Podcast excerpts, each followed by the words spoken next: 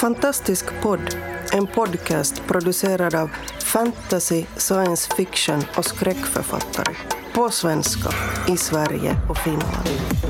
Vi snackar skriva, böcker, våndor och vändor i våra och andras världar.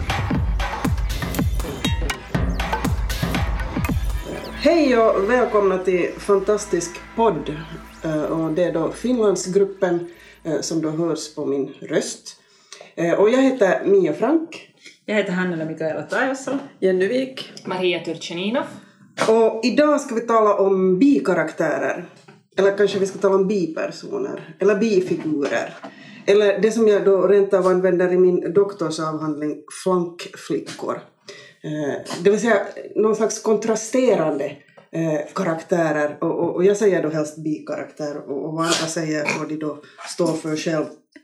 Här har vi en bikaraktär. Och här har vi en bikaraktär med hela tiden, ett stycke fårthund som fnyser Och och, och, flankerar oss här då.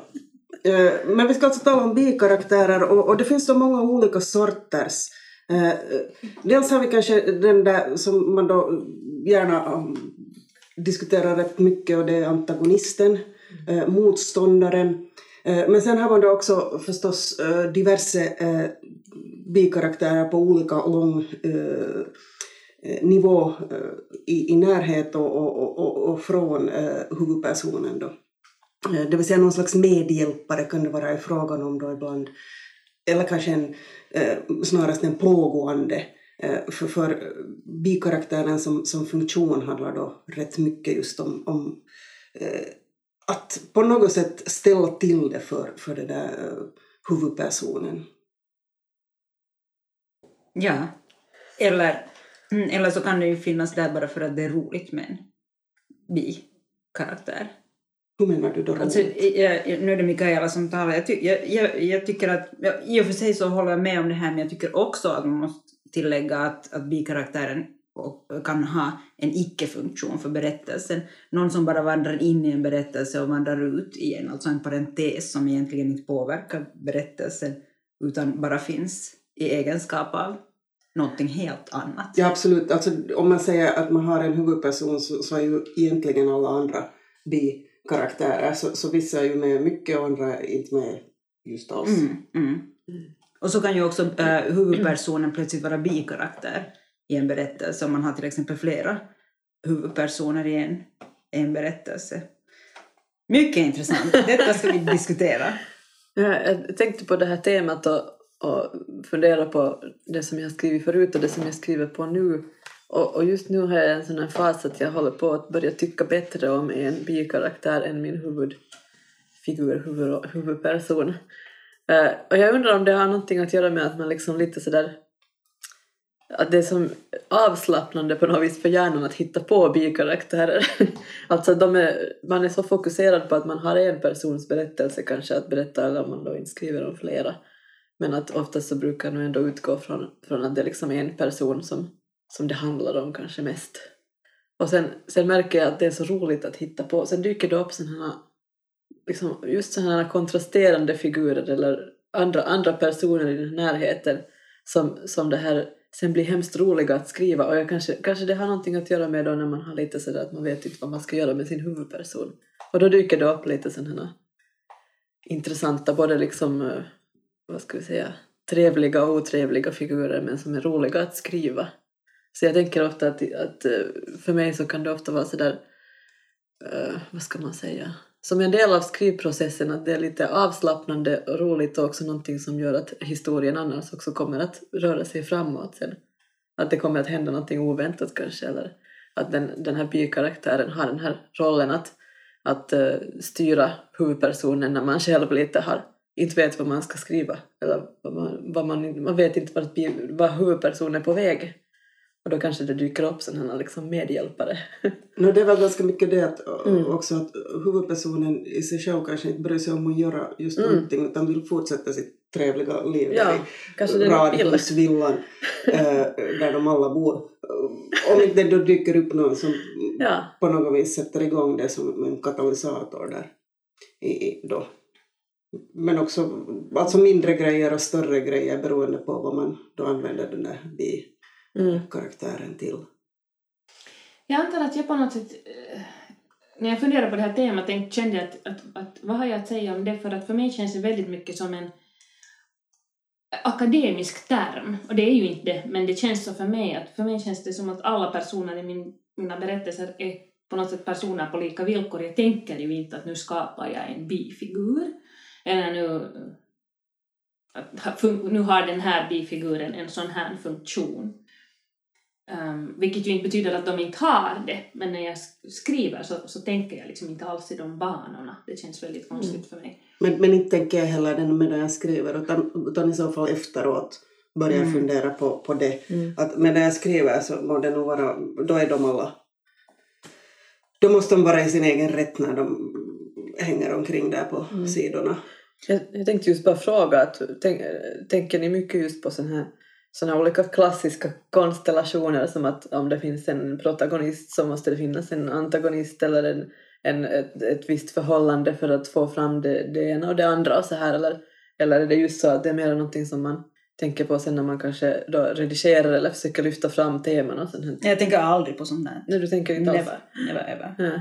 Inte, För att liksom, det- inte någon teoretisk konstruktion varken liksom Mm. när jag bearbetar. Sen när jag börjar tala om, om en bok så, så kan jag börja, Börja äh, tänka med den Mm. akademiska hjärnhalvan men, men, men när Mm. jag, al- jag försöker aldrig balansera upp någonting Mm. på det där sättet. Det känns hemskt, eller tanken känns på något sätt främmande för mig. Ja, det, jag tänker bara på att det är liksom eh, om man, om man kollar så där olika skrivböcker och så här, så hur lär dig att skriva och så här, så då kommer man ju väldigt snabbt in nämligen på just sådana saker att, att det liksom hör till hantverket och så här, att skapa drama, dramaturgiska kurvor och, och skapa spänningar genom Men, att... men jag Mm. tänker mig att den dramaturgiska Mm. kurvan har vi ganska mycket med oss. Ja, det vill säga vi berättar berättar så här hela tiden om vårt liv och vårt leverne och andra gör det och man vet när folk eh, berättar berättar så här helt crazy för att de börjar fel och de slutar fel. Och, och det handlar mer om att, att vi berättar berättelser helt enkelt. Och, och, och, men sen funderar jag när du då talar om, om hur man funderar på antagonister och så vidare i relation till det man skriver. Jag funderar inte heller på det medan jag håller på alltså. Mm. Men, men jag kan nog tänka på det sen lite mera medan jag redigerar. Eh, Men antagonist kan ju vara ganska mycket olika saker. Det måste ju inte vara en, en, en mänsklig figur Nej, utan det kan nej. också vara eh, en stad eller en sak eller vad som helst. Samhället. Det om jag ännu får koppla till Ja. det som Maria sa, Maria sa och jag kan förstå det jätte, jättebra det sättet att tänka att, du, att, att det känns främmande att använda ordet bi-karaktär för dig. Att för, för mig är det tvärtom nu när jag börjar tänk, tänka på det så, så är det där med huvudperson eller huvudkaraktär mera främmande. Att jag på, på något sätt är alla bikaraktärer i det här myllret men att jag skriver ganska fragmentariskt så jag tror att därför kommer den här tanken på bikaraktärer på något sätt helt naturligt Eh, för mig, för att, för att det är ett fragmentariskt myller och de har kanske inte någon funktion utan du- de dyker upp och, och, och syns knappt utan står där i något hörn och tittar på, på någonting och sen passerar de och går vidare. Just för att det är det där som jag vill ha tag på, det där liksom att vi passerar och, och går vidare, kanske till exempel. Eh, så, att- så att jag tror att jag håller på i mina romaner ganska mycket med just bi-karaktärer som, som, som kommer och, och går och kanske till och med de som egentligen är huvudpersoner, huvudkaraktärer då eh, på något sätt eh, är bara liksom lite större bikaraktärer till och med. Jag vet, jag vet Får det lite mera är- utrymme eller kanske så bara eller mera text om dem eller från deras perspektiv eller Ja, eller man följer, man följer Mm. ju förstås att Mm. man följer några lite mer än, än, mm. än andra. Eller för, förstås och förstås, men det gör jag ju nog. Men där gör jag nog annorlunda. Att, att det där känns jag sen igen att, att, att, att för mig är det nog väldigt tydligt vem som är huvudperson och att det Ja. jobbar jag med Absolut, mycket du mer har medvetet Du namnger ju också böcker. efter, efter- efter huvudpersonen. No, det har kanske mer att göra med min, min oförmåga att skapa bra boktitlar. det är bara sån här liksom, bekvämlighetsgrepp. Nej, men, men så, det, det, för att, så väldigt ofta så börjar mina berättelser med en människa som Ja. jag blir nyfiken på, som jag vill veta mera om Ja. och som jag funderar på och, liksom, och så växer resten upp omkring den. Så jag har nog jättetydligt det här att den, det. det. här, den här eller de här Medan den Eh, enda, bok, den enda boktitel som jag har ett namn, vad jag nu kommer på här, är, är min första roman Fem knivar, hade André Krapl. Och Andrei Krapla är alltså en bifigur som vandrar in och vandrar ut. Och i och för sig nog sätter igång en massa skeenden och sådär, men det är en, en bifigur. Så ja, jätteintressant. Jag tänkte också lite på nu när du sa också att antagonisten behöver ju inte alltid vara just en människa eller liksom en person. Att, att jag uppfattar också väldigt mycket bikaraktärer som någonting som målar upp världen samtidigt. Alltså det är liksom svårt för mig Mm. ibland också att separera Mm. miljön från när det blir liksom en karaktär eller en person eller vad Alltså miljön är ju också ett hinder många gånger, Ja. det vill säga en pågående. Ja, ja, precis. Om, den ska ha, om den har någon funktion. Ja, eller sen är det så att jag uppfattar miljön väldigt mycket som en karaktär. liksom. Det kan det också vara. Ja, att det är Ja. kanske mer åt det hållet. Och det som jag skriver nu så försöker jag nämligen just göra det. Eller det liksom håller på att bli det i varje fall. Alltså miljön Så. kan ju också Mm. vara huvudperson. om Ja, ja. Just det. Ja, precis. Så det, så det kanske man ska inte haka upp sig så mycket på att det liksom alltid är en, vad ska vi säga, en mind, en person, en, en människa eller något sånt. Utan också förstås när vi skriver fantasy så kan det ju vara vad som helst för figur, eller som för varelse som, som, som är en figur, en karaktär. Ja, i gammaldags Ja. skräck så är ju ofta de där gotiska slotten tämligen huvudpersonsaktiga. Ja. Just det. För att ta något konkret. Eller The Shining, ett hotell. Ja. Ja. Och jag jobbar nu med en text där, där jag inte ens faktiskt har tänkt på det tidigare, men nu när vi pratar om det så inser jag att jag har många huvudpersoner, eh, men jag har, de får alla ha sina, e- sitt eget perspektiv, vilket gör att de då alla är just bifigurer i varandras texter eller i varandras Ja. liv på det sättet. Medan det egentligen inte finns nästan några andra bifigurer, utan det är liksom alla, alla personer i berättelsen är antingen huvudperson eller bifigur beroende på perspektivet. Ja. Så det är, har alla samma tyngd. Ja, alltså, och jag har då i min Mar-trilogi så har ju en jag-berättare som nog väldigt tydligt är, är den där huvudpersonen, men sen har de andra ju egna perspektiv. Och, och i dem, även som jag då har valt att göra till tredje persons perspektiv, så är de ju huvudpersoner just då i det, för då kommer, Mm. som vi då, du då nämnde här tidigare, så blir huvudpersonen plötsligt en bi-karaktär i det för att få någon slags eh, annan vinkel på det hela. Mm. Det vill säga, bikaraktärerna kan vara väldigt många olika sorts eh, saker och, och, och, och ha olika mänsklighetsdrag. Mm. Jag tänker lite på just skrivande, så tänker jag så här konkret på, på, på Svulten som ett exempel på, på just hur, hur jag skriver. Där finns det i och för sig en huvudperson, eh, den här eh, vampyren, och en annan huvudperson här. Det här har jag inte själv hittat på, men, men, men vad jag har hört i efterhand så är staden Helsingfors också där någon form av huvudperson påverkar skeendena. Och sen finns det också eh, en mängd bikaraktärer, vilket ju är intressant eftersom det här är en vampyrroman. Så här fick jag använda min kärlek till bikaraktärer och göra mig av med dem sådär efter, efterhand enligt behov. Vilket var intressant med att hu, eh, det, det, som, det som jag gör eller hur jag använder dem är att jag använder bikaraktärerna, alltså ger dem ibland. Och det här är helt in, intuitivt, alltså för att jag vill göra det, eh, helt egna kapitel, alltså en liten berättelse inne i berättelsen. Och om, om någon som får, får Eh, finnas där, som till exempel eh, John Ashton Clem som, som har ett helt eget eh, kapitel när han åker till Petersburg och aldrig återvänder.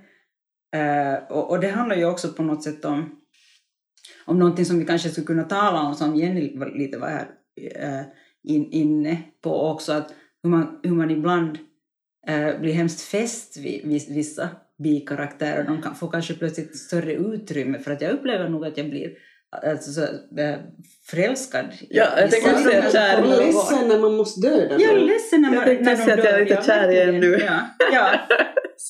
Du sa nu när de dör. När Måste de, döda när de, måste de det? Ja. Visst måste de det. Ja. Ja, alltså jag blev lite avundsjuk nu när du sa, berättade om det här med att du har figurer där som du får liksom kill off sådär i den där svulten och så blev jag sådär att åh tänk, jag, nu fick jag jättestor lust skriva Att- en bok där jag får bara liksom döda en massa folk. Men, men det är ju också bikaraktärens grej att, att, Ja, exakt. att, att man kan döda dem. Mm. Därför att, att deras död kan då driva berättelsen Ja, i en ny och påverkar huvudpersonen. Och, och sowieso så är det ju på något sätt eh, bikaraktärens lott. Alltså trots att den kanske inte dör handgripligen avlider i den här berättelsen så är det ändå en kort utmätt tid som den får vara med i berättelsen och, den, eh, Mm. och, och sen passerar den ofta och lämnas, lämnas åt sitt öde. Så egentligen så är det ju sowieso en, en karaktär som är dömd. Ja, alltså de kan vara plågoandar men de kan också plågas mer. Ja, ja, eller det är kanske enklare att... Alltså, har Fast du en jag- huvudkaraktär och tar livet av det så slutar kanske Jag hade en gång en, en, en, en bi- bi-karaktär som jag hade tankar på att döda men sen tyckte jag så mycket om den och jag tänkte nej, jag, nej. Var, Vem var det? det var Anna Schees häst. Okej. Ah. Mm. Jag kommer direkt tänka på den här Ja. hästscenen i Den oändliga historien. Ja, oh no, oh no. Nej. riktiga hästar dödades i den här boken skulle ha stått i slutet. Men det var ju nej, men jag, jag, var, jag var liksom inne på det för att, Ja. för att de stod varandra så nära. Och jag Ja. tänkte att nej, men någon måste hon få behålla också. Ja. Ja, just Ja, det var det. tur. Vara lite snäll sådär.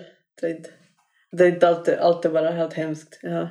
Mm. Men visst finns det vissa bikaraktärer som det har varit svårt att ta koll på också som har varit på något sätt så Ja, som man gärna har skrivit Ja. om och så inser man att man måste dö. Men jag har också haft någon som jag Spara. Som jag sparar, som, som det faktiskt har varit där i skrivande stund så här att, att ja, vad gör jag med min makt här? Låter jag det leva eller? Men sen kan man ju också då, eftersom man då skriver lite så här myskos fantasy, så man kan ju återuppliva dem också.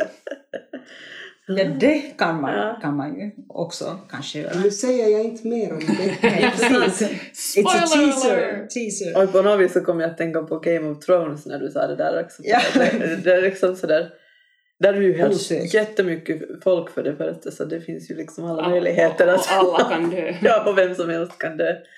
Ja, ja den här ju, det är ju som ett exempel på att där inte liksom riktigt finns någon en, det finns inte en huvudperson i den Men serien. fasen om han dödar dvärgen också. Ja, no, det, är ju- det är ju min stora skräck. Ja, och det, det finns ju alltid den där, den där risken för att där, det, det här går ju emot det som vi talar om just att, att bikaraktärerna Ja. så är till för att, Ja, ja. Att, att man kan göra vad som helst, alltså man har ganska fria händer, man kan, man kan ta livet av dem ganska enkelt. Eller kanske de är stora Till för att fästa sig vid och sedan förlora. Ja, men här är det ju nästan, alltså när det gäller Game of Thrones så är det ju nästan ännu mer det att du bygger någonting som är en huvudkaraktär egentligen. Mm. Inte, alltså det där bygger ju Mm. inte... för att en bikaraktär så vet du oftast att det här är inte en central Mm. gestalt utan det här, man, man känner det, den kanske kommer in på Mm. ett, i ett senare skede eller den kanske inte får ha det där liksom, perspektivet på just den här eller att perspektivet ses just från det här hållet.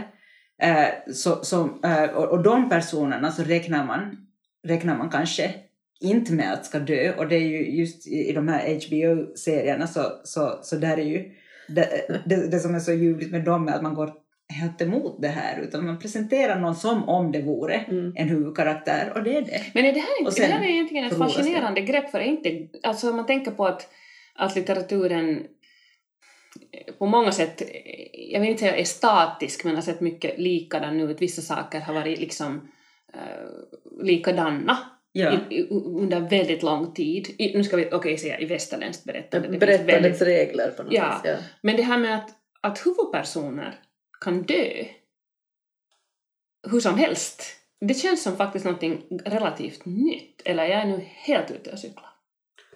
Nej, inte skulle jag säga att du är helt ute och cyklar, men, men det där... Inte just nu. Inte just nu. Kanske inte det- episk fantasy sådär. i För det kanske fall. inte är ännu riktigt så att du vill cykla, men, men, men det där...